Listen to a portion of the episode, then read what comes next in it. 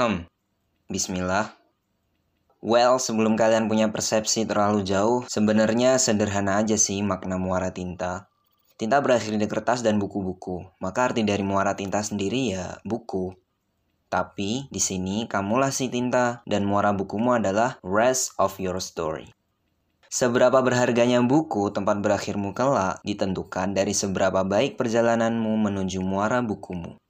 Di podcast Muara Tinta, kamu akan aku ajak ngobrol tentang gimana sih cara yang baik menuju akhir yang baik.